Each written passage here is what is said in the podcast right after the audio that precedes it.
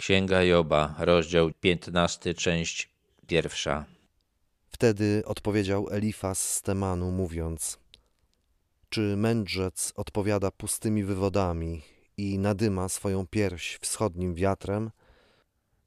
Kiedy przyjaciele przybyli do Joba, to najpierw rozmawiał z nim Elifas, potem Bildad, potem Sofar. Teraz Elifas rozpoczął następną kolejkę takich rozmów. Stwierdził, że to, co mówi Job, nie jest mądre, jest tak jałowe jak wschodni wiatr, który przynosi tylko upał i suszę, czyli nic dobrego, nic pożytecznego.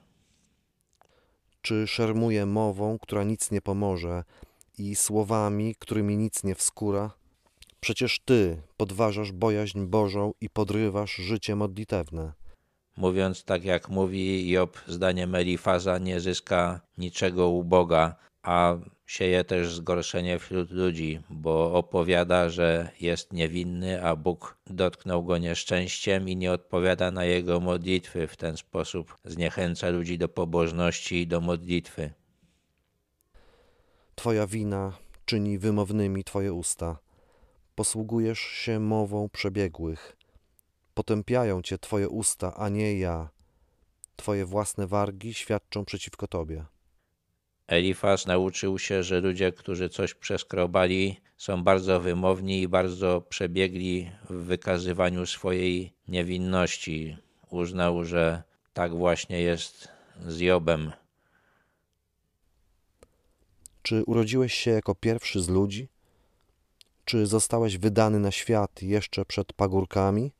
Źródłem mądrości według Elifaza jest czas. Kto długo żyje, ten staje się mądry. Dlatego zapytał Joba, czy jest najstarszym z ludzi, że opowiada coś, czego żaden mądry starzec, z którym zetknął się Elifaz, nie mówi. Czy podsłuchiwałeś na Radzie Bożej i stamtąd zaczerpnąłeś mądrości? Innym źródłem mądrości, które Elifaz uznaje za godne zaufania, jest Bóg, więc zapytuje Joba, czy rozmawiał z Bogiem, czy go słuchał. Cóż ty wiesz, czego my nie wiemy? Co ty rozumiesz, co nam nie jest wiadome? I wśród nas są sędziwi i starcy, starsi niż twój ojciec. Ponieważ Job nie jest starszy ani od Elifaza, ani od jego przyjaciół i przyjaciele słuchali ludzi starszych od niego, to Elifaz mówi, że nie uznaje zdania Joba za słuszne. Czy błahe są dla ciebie pociechy Boga i słowo, które łagodnie odezwało się do ciebie?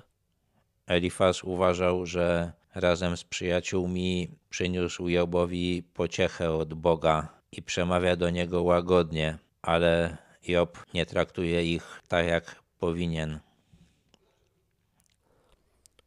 Czemu się tak uniosło twoje serce i dlaczego mrugają twoje oczy, że zwracasz przeciwko Bogu swoją złość i wypuszczasz ze swoich ust takie słowa?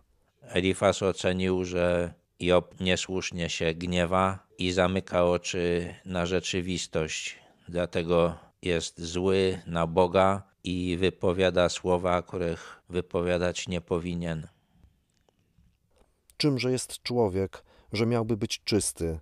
Czymże zrodzony z niewiasty, że miałby być sprawiedliwy? Jeżeli nawet swoim świętym nie ufa i niebiosa nie są czyste w jego oczach, to tym bardziej ohydny i zepsuty jest człowiek, który pije nieprawość jak wodę. Elifas powrócił do swojej myśli, którą już wyraził w pierwszej mowie. Nikt nie może zadowolić Boga, nawet aniołowie, tym bardziej nie może tego zrobić człowiek, który ma grzesznych rodziców, odziedziczył ich naturę i spotyka się ciągle z nieprawością i musi nią przesiąknąć. Dlatego Job, zamiast skarżyć się na to, jak został potraktowany przez Boga, powinien poszukać winy w sobie i poprawić się.